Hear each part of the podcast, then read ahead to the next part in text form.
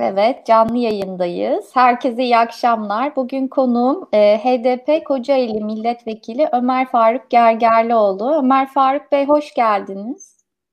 Hoş bulduk Beril Hanım. E, biraz bağlantımız yine sıkıntılı. Arada kesiklikler olursa e, kusura bakmayın teknik sebeplerle. E, bugün aslında Ömer Faruk Gergerlioğlu'yla artan bekçi ve polis şiddetini konuşacağız. E, kendisi kırmadı, bizi kabul et, e, programımıza katılmayı kabul etti. E, bu konuyu biraz derinleştirmeden önce aslında ben Ömer Faruk Bey'e e, kısa süre önce kendi yaşadığı polis şiddetini sormak istiyorum. Evet. Bu konuda açıklama da yaptı ama bir de bizim dinleyicilerimiz için, e, izleyicilerimiz için sizin e, kayyum e, atamaları konusunda bir açıklama yaparken e, uğradığınız polis şiddeti aslında görüntülere yansıdı. Ne oldu, neler yaşandı? Çok geçmiş olsun öncelikle. Sağ olun, sağ olun. Teşekkürler. E, tabii polis şiddeti Türkiye'de giderek artıyor. Her geçen gün artıyor. Çünkü otoriter bir yönetim heveslisi bir iktidar var karşımızda. Gittikçe otoriter yönetimini arttırmaya çalışıyor. Haksız, hukuksuz uygulamalarını devam etmek istiyor. E, peki bunu e, nasıl devam ettirecek? İşte e, hukukun gücüyle mi yoksa polisin gücüyle mi? Polisin gücüyle yapmayı tercih ediyor. Yanlış bir yola girmiş ve geri dönmeyi de düşünmüyor. O yanlış yolda ilerlemeye, baskını, baskısını, zulmünü, zorbalığını arttırmaya çalışıyor. Kayyım atamalarını yapıyor. E, bu e, kimse tarafından kanıksanmamalı. Belki kimisi kanıksıyor, e, işte zaten yine kayyım atandı, şu bu e, diyebilir belki. Ama anayasaya aykırı bir atama e, usulü tamamen hukuksuz bir atama usulü. KHK'larla kayyım atamaları güya meşrulaştırılmaya çalışılıyor ama anayasaya aykırı bir usul çok kolay bir şekilde e, bir terör soruşturması bahane edilerek e, halkın iradesi ayaklar altına alınabiliyor. Bunu defalarca yaptılar, yapmaya devam ediyorlar hiçbir karşılığı yok aslında ama sadece belediye başkanlığı yönetimini ele geçiriyorlar. Resmen biliyorsunuz bir darbe yapıyorlar. Bir gasp olayı var. Resmen e, belediye meclis üyelerinin e, tekrar başkan seçimini de engelliyorlar. Resmen bir gaspla kayyım gidip orada tahtına oturuyor. Ve bütün bunlara karşı bizim susmamız e, mümkün değil.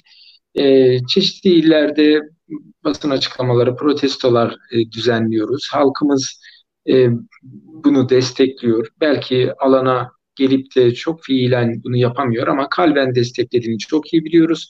Çünkü her ne pahasına olursa olsun HDP'ye yüksek oranda oy veren bir halk kitlesi var ve onlar kesinlikle bu tür baskılarla geri adım atacak değil.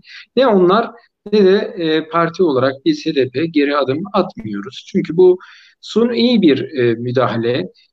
Çünkü bu e, Kürt meselesini bilhassa e, suni bir şekilde zorbalıkla, haksızlıkla, darbeyle imha etme metodu, yok etme metodu. Bunlar kabul edilecek şeyler değil ve devam ediyorlar. Tabii korona günlerinde de buna devam ettiler. Ee, en çok toplumsal barışa ihtiyaç olduğumuz günlerde de devam ettiler. Tüm dünya korona dolayısıyla birlikteliğini bir, bir, bir pekiştirirken bizde parçalayıcı ve bölücü adımlar atıldı. Gerçek anlamda bölücülüğü iktidar yapmış oldu. E, halkın arasına fesat sokmaya e, çalıştı. E, zaten bu fesat işleri iktidarın en yoğun bir şekilde yaptığı işlerdir ve e, milyonlarca kişinin oyuyla seçilmiş e, başkanlıkları darbeyle düşürdüler. E, başkanlarımızın çoğunu gözaltına alıp tutukladılar ve buna e, devam ediyorlar. E, bütün bunlara karşı biz tabii ki açıklama yapacağız. E, kayyım sonrası hiçbir yerde böyle bir tetiş olayı, bir anarşik olay, bir ortalığı karıştıran tek bir sıkıntılı olaya bile rastlamazsınız. Sadece bir basın açıklaması yapılması isteği vardır ve bu istekler bile reddedilir. Türkiye'nin e, birçok ilinde basın açıklamaları parti binalarımız önünde yapılırken Ankara'da buna izin vermek istemediler. il binamız önünde geçtiğimiz hafta çarşamba günü bir basın e, açıklaması yapmak istedi arkadaşlarımız. E, 15-20 kişilik bir grup e, orada var olan yüzlerce polisin eşliğinde kısa bir basın açıklaması yaparak e, protestoyu bitirmiş olacaktı. Ama buna tahammül edilmedi, basın açıklamasına izin verilmedi ve hatta zorbalık yapılarak e, altısı darp edilmek suretiyle iki arkadaşımız gözaltına alındı. İçinde il eş başkanlarımızdan vezir başkanımız, yine MYK üyelerimiz, parti meclisi üyelerimiz vardı ve son derece sert e, ve hukuksuz bir şekilde muamele yapıldı. Biz ertesi günü tekrar bir açıklama yapmak istediğimizi beyan ettik. E, çünkü yapılacak iş belliydi. Bir protesto basın açıklaması yapılacaktı e, ve bunu yapmak istiyorduk biz. E, ertesi gün ben ve e, Adana vekilimiz e, Kemal Peköz e, vekilimiz orada e, bir açıklama yapmak istedi.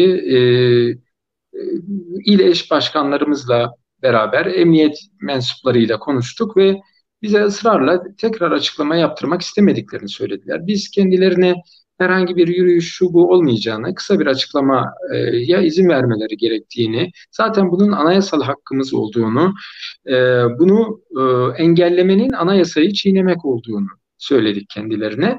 Ama e, işte biz müdahale ederiz, e, şunu yaparız, bunu yaparız gibi söylemlerle bize e, buna izin vermeyeceklerini söylediler. E, bunun üzerine biz de aramızda kararlaştırarak iki vekil arkadaşımız ve iki il eş başkanımızla e, sadece il binası önünde bir açıklama yapalım dedik. E, yani üyelerimiz katılmayacaktı. E, böyle bir e, sözleşme yapmış olduk ve biz il binası önüne geldik. Tabii e, il binasının önüne indik daha doğrusu. E, açıklamamızı yapacağız ama e, orada halk oraya alınmıyor. Polisler sadece orada var. E, bir ajans var. Onun dışında her taraf polis. Yani biz açıklamamızı yüksek sesle yapma şansımız bile yok. Çünkü elimizde hoparlör yok.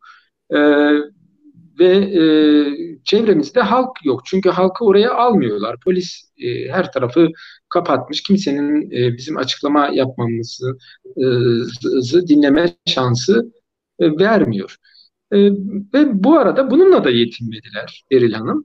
Yanımızdaki polis otolarını çalıştırdılar ve polis arabaları tabii yüksek sesle gır gır gır ses yapıyor e, ve e, bizim konuşmamızın duyulmasını bile engelliyor. Yani yanımda duran vekil arkadaşımızın başlattığı basın açıklamasını yanında durmasına rağmen ben bile duyamıyorum. Çünkü e, arabaları özellikle çalıştırmışlar, gürültü yapsın, ses duyulmasın gibi bir mantık var. Biz kendilerine uyarı yaptık. E, arabaları en azından bir 5-10 dakika durdurun. Kontakları kapatın, açıklamamızı yapalım. Sonra siz arabanızı çalıştırırsınız. Biz de açıklamamızı bitirmiş oluruz. Yani bundan doğa, daha doğal bir istek ne olabilir? Ama buna da izin vermediler. Bir arabayı durdururken öbür arabayı çalıştırdılar. Hani resmen bir zorbalıkla ben arabayı çalıştırırım ve sen, senin sözünü dinlemem, e, senin sesini kısarım demeye çalışıyorlardı. Bu aslında e, iki gündür e, Ankara İl Binası önünde yaptıklarının bir açıklamasıydı, bir özetiydi. Neydi? Hani ben senin sesini e, kısacağım. Ben milletin sesini kısacağım. Ben e, milletin protestosunun önüne geçeceğim. Ben yaptığım haksızlığı dayatacağım ve ben yaptığım haksızlığın kınanmasını engelleyeceğim. Bu bu kadardır. Ve milletin de sesini de keseceğim. İşte bunu da en zorba yöntemle de yaparım. En gülünç yöntemle de yaparım. Bir otobüs çalıştırarak onun gargar e, sesleriyle senin sesini bastırmış olurum. Tahammülsüzlük bu boyutta. Aslında bunlar hani sıradan hadiseler değil bakın basit hadiseler değil. Bunlar Türkiye'de ne yaşandığına dair bir hadise. Türkiye'de yaşanan bu ve maalesef e, bu yaşanırken e, biz hepimiz şahit oluyoruz. Yaşanan bir tahammülsüzlük, milletin sesini kesme, millet, e, yürütme olarak e, HDP'yi boyunduruk altına alma e, anlamına e, gelen bir uygulama maalesef. E, biz tabii buna boyun eğmediğimizi söyledik e, ve e, uyardık. Bu ilkel tavrı bitirin dedik. Yani bunlar çocukça tavırlardır. Bu, bu e, buradan bir şey çıkmaz dedik ama e, devam ettiler ve resmen hani sen bunu istediğin halde biz bunu yapmayacağız demek istiyorlardı. E, biz de ben dönerek e, arabanın kontağının kapatılmasını e, lütfen kapatır mısınız diyerek gayet nazik bir şekilde tekrar söylememe rağmen e, kontağı kapatmamakta ısrar ettiler ve e, sen madem bunda ısrar ediyorsun biz de sana basın açıklaması yaptırmıyoruz diyerek üzerimize yürüdüler. E, ve e, işte daha böyle bir e, kargaşa alanında ise e, hani böyle e, herkesin birbirine en yakın mesafede durduğu bir durumda ise çevremizi e, çevreleyen polis memurları alttan tekme atmaya başladılar. Kameraların görmeyeceğini düşünerek alttan tekme atmaya başladılar. Bu e, tabii ben de şaşırdım buna. Yani nasıl bir, böyle bir şey olabiliyor? E, ve ardından e, hani daha da üzerimize yürüdüler. E, iki polis memuru e, resmen bizi darp edecek, daha sert darbeler vuracak. E, ve o sırada bir güvenlik amiri beni e, kenara çekerek kendi polislerinden korumuş oldu. E, ve daha e, kötü bir hadisenin olması engellendi. Biz onların bu tür e, hukuksuz zorba yöntemlerine tek bir e, şekilde kendi yöntemleriyle cevap da vermedik. Yani bir ne bileyim bir tekmeye tekme, itmeye kalkmaya aynı şekilde itme kalkma şeklinde bizim tarzımız da böyle bir tarz değildir. Ama kendi yaptıkları apaçık ortaya çıktı. Orada e, kameraların olmadığını düşünerek bunu yaptılar ama binanın tepesinde bir kamera vardı ve aşağıyı çekiyordu. E, o kameraya yakalandılar.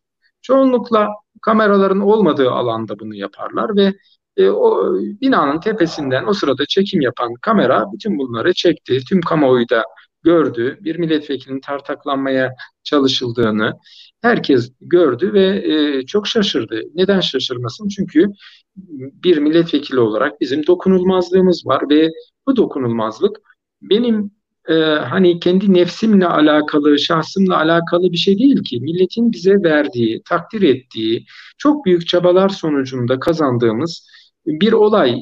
Millet adına bunu kazanmışız. Anayasal bir dokunulmazlığımız var ve bu anayasal dokunulmazlığımız millet adına kullanılıyor. Demokrasinin gereği olan bir dokunulmazlıktır. Niye biz bir dokunulmazlık var? Çünkü milletin vekiliyim ve millet adına e, bir fiil işleme durumundayım ve demokrasinin gereği olarak da bana böyle e, bir dokunulmazlık verilmiştir ve bu e, polisin e, görevini e, kötüye kullanmasıyla çiğnenmektedir. Olayın özeti budur. Zorbaca fiillerle dokunulmazlığın üzerine saldırılmaktadır ve de, polis sadece beni darp etmemekte, demokrasiyi darp etmektedir. Milletin üzerine yürümektedir. Ben kendilerine de daha sonra orada polislere söyledim.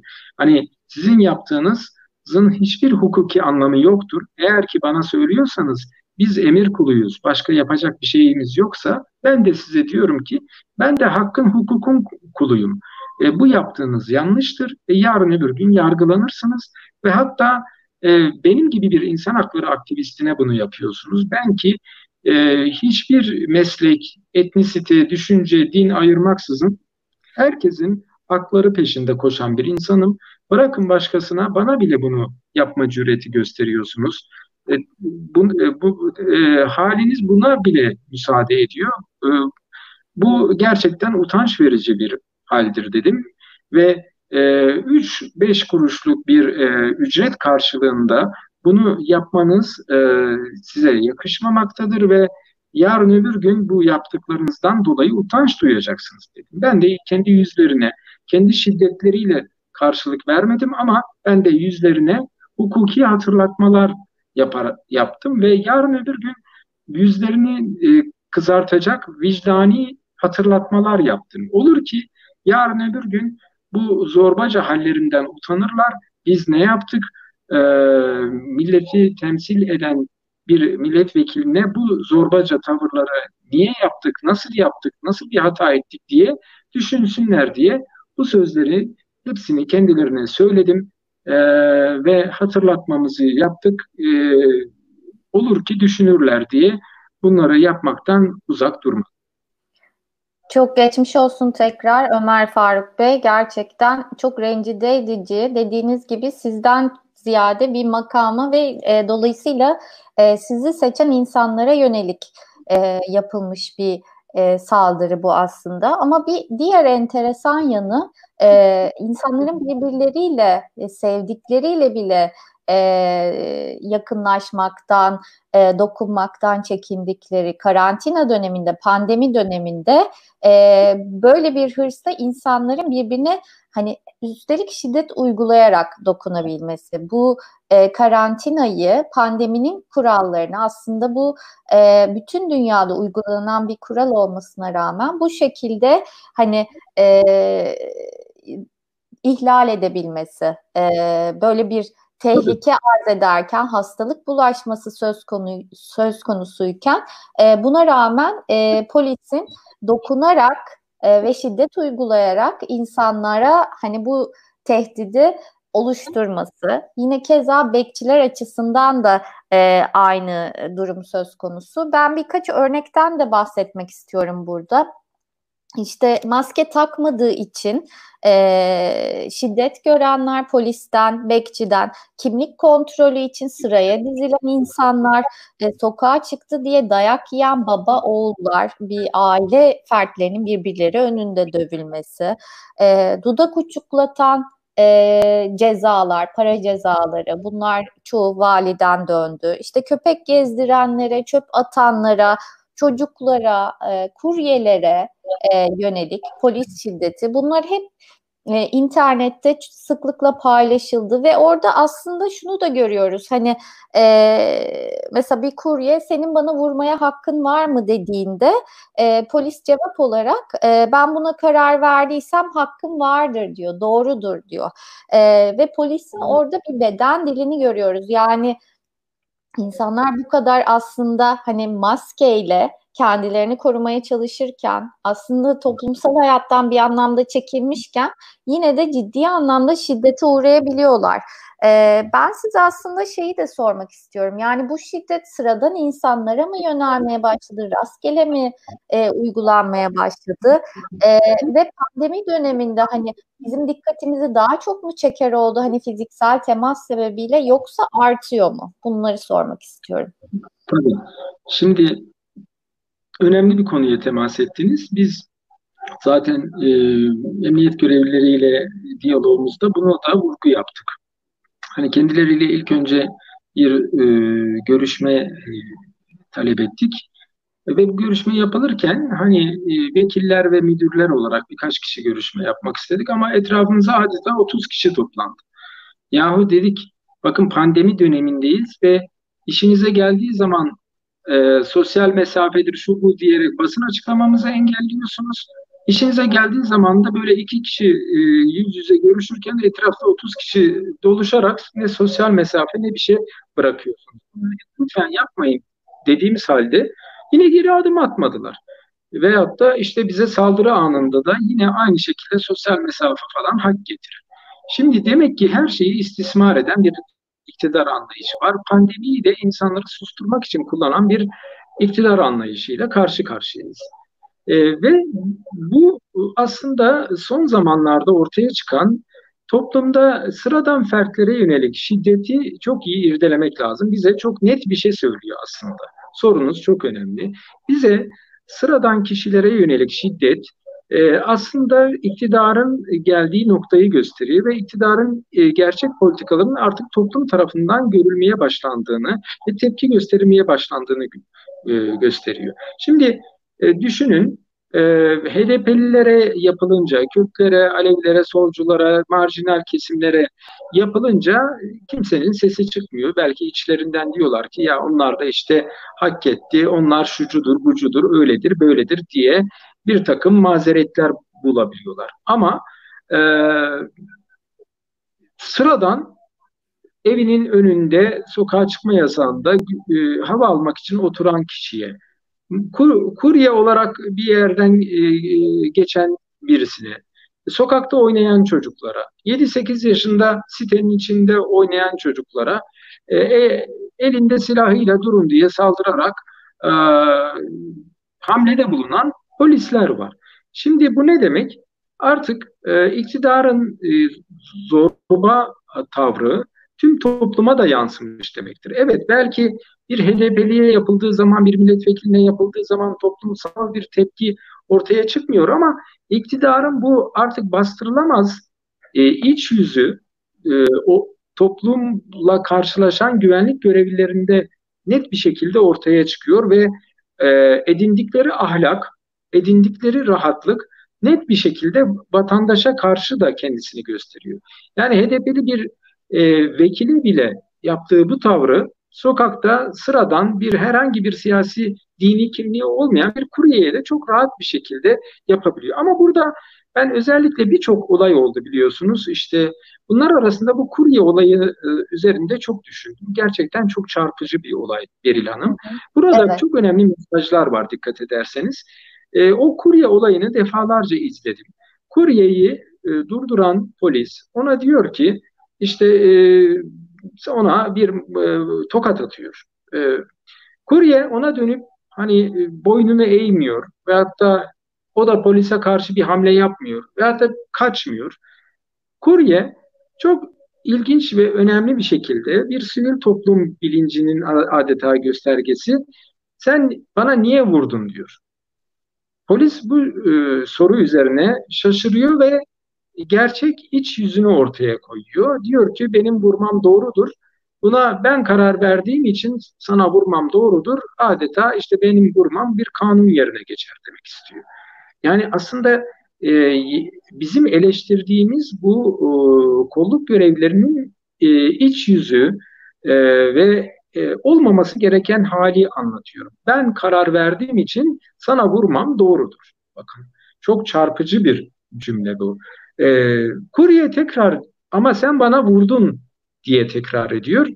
Ve polis bunun üstüne daha ne diyeceğini şaş- şaşırıyor ve işte defol git, yürü git falan gibi sözler söylüyor. Aslında burada kurye çok önemli bir pozisyonda. Sivil toplumun olması gereken itirazını dillendiren bir kişi o aslında. Hani e, senin bana vurmaya hakkın yok. Sen beni uyarabilirsin ama durup durduğun yerde beni bana vuramazsın demek istiyor ve sivil toplumun olması gereken e, cevabını söylüyor. E, polis de şaşkınlıkla iç yüzünü ortaya çıkarmış oluyor. Yani buna ben karar verdim. Sana ben karar vermişsem vurmam doğrudur ve sen buna itiraz hakkın yoktur. Bu bir yasadır. Yani mahkemeyi kurmuş, yargı e, hakim hem savcı hem hakim kendisi olmuş, kararı vermiş, infazı da yapıyor polis efendi. E, bunun üzerine tekrar itiraz eden e, kurye aslında sivil toplumun e, yapması gerekeni yapıyor biliyor musunuz? E, ve polisi tekrar şaşırtıyor ve polis memuru da ne diyeceğini bilemiyor. Daha çünkü e, zorbaca bir üslupla e, tekrarlanacak başka bir şey yok. Bir başka e, zorbaca e, artık açıklayıcı olmayan e, bir cümleyle meseleyi bitirmeye çalışıyor. İşte aslında şu anda o, olan bu. E, iktidarın şiddeti e, muhalif kesimleri de aşarak artık toplumun her kesimine yansımaya başladı. Toplum da bunu görmeye ve itiraz etmeye başladı. Bundan dolayı sosyal medyada bir yankı oluştu. Bundan dolayı hani bize saldırırken açığa alınmayan polisler Çorlu'da ve Kadıköy'de açığa alındı. Çünkü hani ya o HDP'lidir, ona ne yapılsa yeridir diyen toplumsal bakış açısı yerine sen nasıl olur da milletin bir ferdine böyle haksız hukuksuzca saldırırsın diyen bir başka bakış açısı geldi. Buradan da ben şunu çıkartıyorum. Bizim topluma sadece kendi mağduriyetimizden e, ziyade iktidarın tüm toplumu şiddet e, yoluyla ezmeye çalışan bir anlayışı olduğunu ve bu bunu da polis sayesinde sağlamaya çalıştığını anlatmamız lazım.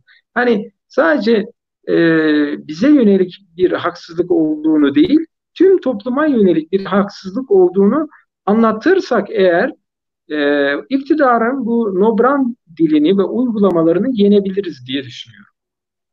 Belki e, burada e, bahsedilmesi gereken bir diğer konu da cezasızlık. Aslında bugün manidar bir gün. Bugün e, Gezi Parkı protestolarının başlamasının e, 7. yıl dönümündeyiz. E, Türkiye'de bir dönüm noktası olarak görülüyor. Hem iktidar tarafında hem muhalefet tarafında. E, bu protestolar aslında Türkiye'de e, çok şeyi değiştirdi e, iyi anlamda söylemiyorum hani siyaset geleneğini ve belki kutuplaşma e, potansiyelini hani e, olumsuz anlamda e, kullanılmasına vesile oldu. E, ve yedinci yılındayız. E, cezasızlık açısından önemli bir e, konu. Çünkü e, aslında Gezi Parkı protestolarından sonra, e, protestolar sırasında ve sonrasında hayatını kaybeden e, sivillerle ilgili davalarda çok ciddi e, cezasızlık örnekleri gördük. E, bu devlet görevlilerinin şiddet kullanan ve sivillerin ölümüne yol açan devlet görevlilerinin korunduğuna şahit olduk, hukuksuzluklara şahit olduk ve bir anlamda aslında bunun da e, polis, polis şiddetinin artmasında e, önemli bir rolü olduğunu söyleyebiliriz. E, bu konuda ne demek istersiniz? Tabii e, önemli bir vurgu. E, gezi olaylarının yine yıl dönümündeyiz. E, 7 yıl oldu ve e, o günlerde baskıcı iktidar uygulamalarına karşı sivil toplumun barışçıl bir itirazı vardı. Hepimiz çok iyi hatırlıyoruz e, iyice betonlaşan e, İstanbul'u daha da betonlaştırmak isteyen, e, zaten iyice e, taşlaşmış, betonlaşmış bir Taksim'i Gezi Parkı'nı da yıkarak AVM'lere boğmaya çalışan bir rantçı anlayışa karşı bir çevre direnişi başlamıştı. Ben bu e, Gezi Parkı'nın yıkımından önceki sivil toplum çalışmalarını biliyorum. Çevre örgütleri Gezi Parkı'nı korumak için bir gayret sarf ediyordu ve bunun da bir siyasi yönü yoktu. Sadece çevremizi koruyalım, yeşile, ağaca sahip çıkalım diyen bir çalışma vardı. Bunun da şahidiyim. Bunun altında e, hiçbir buzağı aramaya da gerek yok. Sadece e, Taksim'de bir nefes alacağımız bir park olması, ağaçların, yeşillerin, kuşların, e, canlıların olması, insanların gölgelenebileceği ağaçların olmasını isteyen bir çevreci anlayışın e, isteği vardı. E, ve son derece nobran bir iktidar e, uygulamasıyla e, bu Gezi Parkı'nın yıkılacağı kararı bildirildi sonunda. E, ve buna karşı insanlar yine bir e, sivil toplum bar ve barışçıl bir e, e, çalışmayla buna engel olmaya çalıştılar. Fiili bir engel yoktu ama e, bir sivil toplum çalışmasıyla bunun doğru olmadığını, yanlış olduğunu söylediler ve her kesimden insan katıldı. Sağcısı, solcusu, Türk'ü, Kürdü, dindarı, ateisti her kesimden insan e, bu e, uygulamaya karşı bir çıkış gösterdi. Hiçbir şekilde de şiddet kullanmadı ve e, ama karşısında e, şiddetle büyümeye çalışan bir anlayış vardı. Sert bir iktidar vardı ve polisleriyle alanda çadırları yakarak, yıkarak, insanlara e, döverek, darp ederek uzaklaştırmaya çalışan bir anlayış vardı ve e, masum bir isteği boğmaya çalışıyorlardı. Bu insanlığın vicdanına do- dokunuyordu ve sonraki ertesi günkü kalabalıklar daha da artarak e, bir protestoyu gerçekleştiriyordu ve daha sonrasında daha da giderek artan bir itiraz yaygınlaşıyordu. E, iktidar bu, burada iki yoldan birini tercih edebilirdi. Yani göstericilerle evet sizinle anlaşalım, haklısınız, bu alan e, yeşil kalsın diyebilirdi ama e, son derece sert bir şekilde müdahil oldu ve e, kan aktı, insanlar yaralandı veyahut da öldü. E, çünkü dağıtmayı, e, yok etmeyi, bastırmayı tercih etmişti iktidar ve e, gittikçe artan e, otoriter dilini Gezi'de şiddete iyice dökerek, kan dökerek, insan yaralayarak, insan öldürerek gösterdi ve ardından e, bu olaylarla ilgili hiçbir e, ceza verilmedi. Herkesin gözü önünde öldürülen gencecik insanlar vardı ve hiçbir şekilde görevliler cezalandırılmadı ve verilmişse de cezalar çok hafif bir şekilde verildi, geçiştirilerek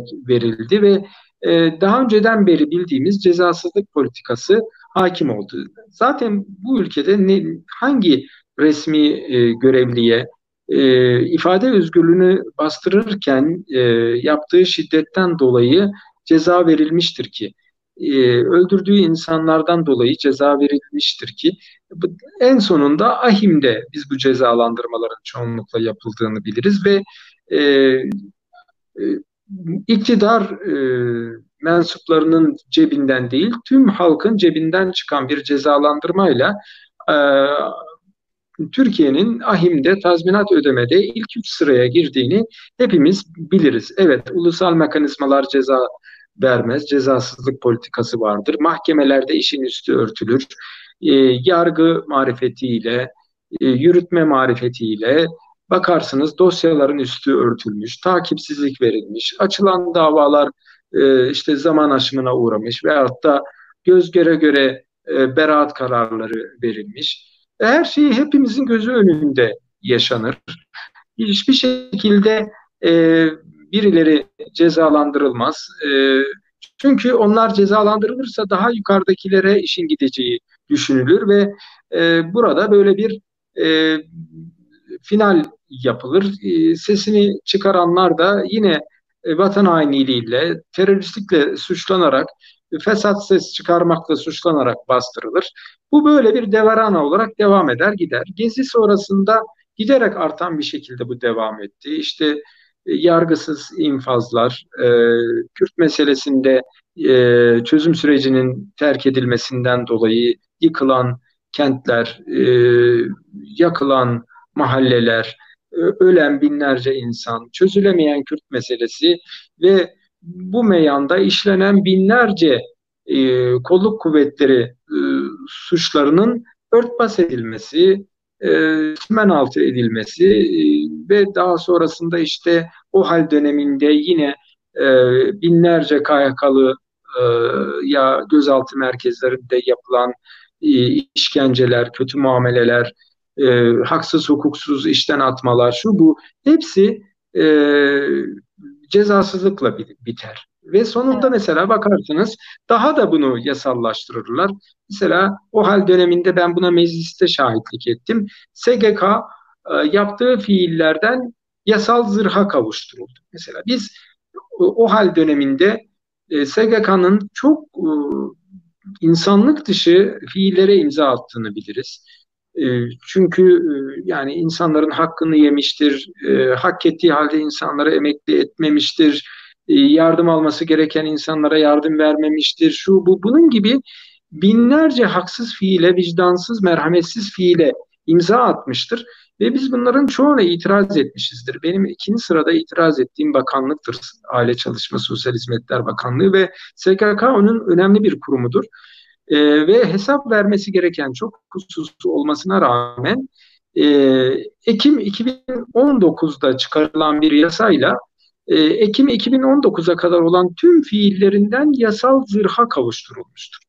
Yani bırakın mahkemeye verilip de orada cezasızlıkla sonuçmasını e, mahkemeye bile veremiyorsunuz. Yasal bir zırhı var. Düşünebiliyor musunuz? Yani bırakın cezasızlığı artık siz e, binlerce hukuksuz fiile imza atan kurumların e, yetkililerini şikayet bile edemiyorsunuz. Şikayet etseniz hiç şekilde herhangi bir dava açılmayacak çünkü yasa var. Şimdi böyle bir gelenekte yürüyoruz maalesef. Yani minareyi çalan kılıfını uydurmuş hatta minareyi bile sırtına alıp götürmüş yani.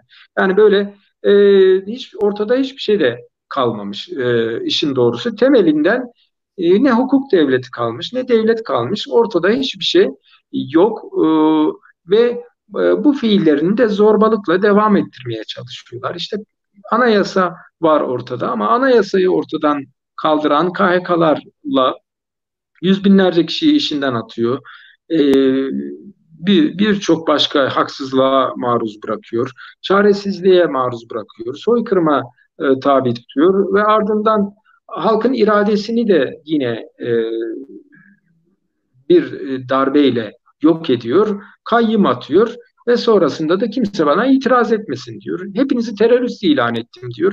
Ya diyorsun ki e, bizi nasıl terörist ilan edersin? Gerekçe nedir? E diyor ben size terörist dedim. Kendi çıkardığım kriterlerle terörist dedim. Teröristin de e, affedilme şansı yoktur. Çıkaracağım infaz yasasında sizin af diye bir hakkınız da yoktur. Terörist af mı edilir? Ya bize hangi hakla terörist dedin diye sorduğunuzda e işte ben kendi kriterlerimde sana terörist dedim. Daha ne istiyorsun? E, bir de af mı istiyorsun? Hadi bakalım e, yat zindanlarda. Hadi bakalım işsiz güçsüz ekmeksiz kal. E, ya e, sivil ölüme uğra ya da fiili ölüme uğra. Çekmediğin çile kalmasın.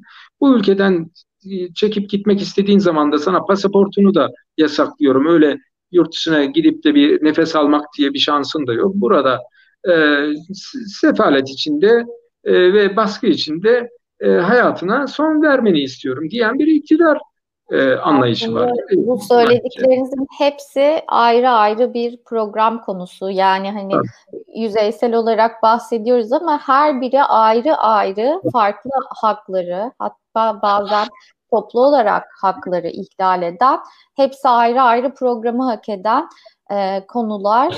E, çok teşekkür ederim Ömer Faruk Bey. E, siz e, HDP Kocaeli milletvekilisiniz ama e, programda da sıklıkla bahsettiğiniz üzere bir insan hakları savunucususunuz.